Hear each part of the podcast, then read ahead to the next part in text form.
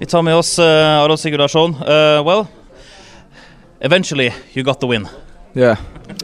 Uh, character win, you can say. Uh, it wasn't the best performance by us today, but still got the three points.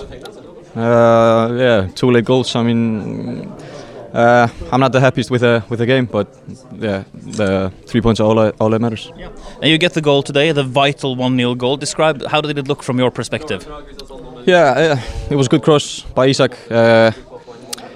Um, yeah, I saw a defender coming in fast, so I just touched it to his side. Uh, yeah, on my right foot.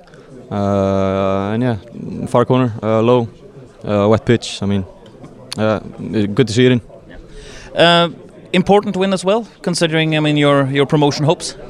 Of course, uh, every game is, is huge. I mean, I'm not I'm not seeing, although Aalesund drop points round, but I'm not seeing uh, Olesund Sandefjord uh, dropping a lot of points. So we have to be on the toes every uh, every game. Uh, yeah, so that's why I'm really happy with the three points. Uh, concerns about the performance today, you think? Uh, it's been a well two weeks since we play. Ah, one week. I don't know. Two weeks I think since we played the last game. Uh, maybe a little little bit out of rhythm.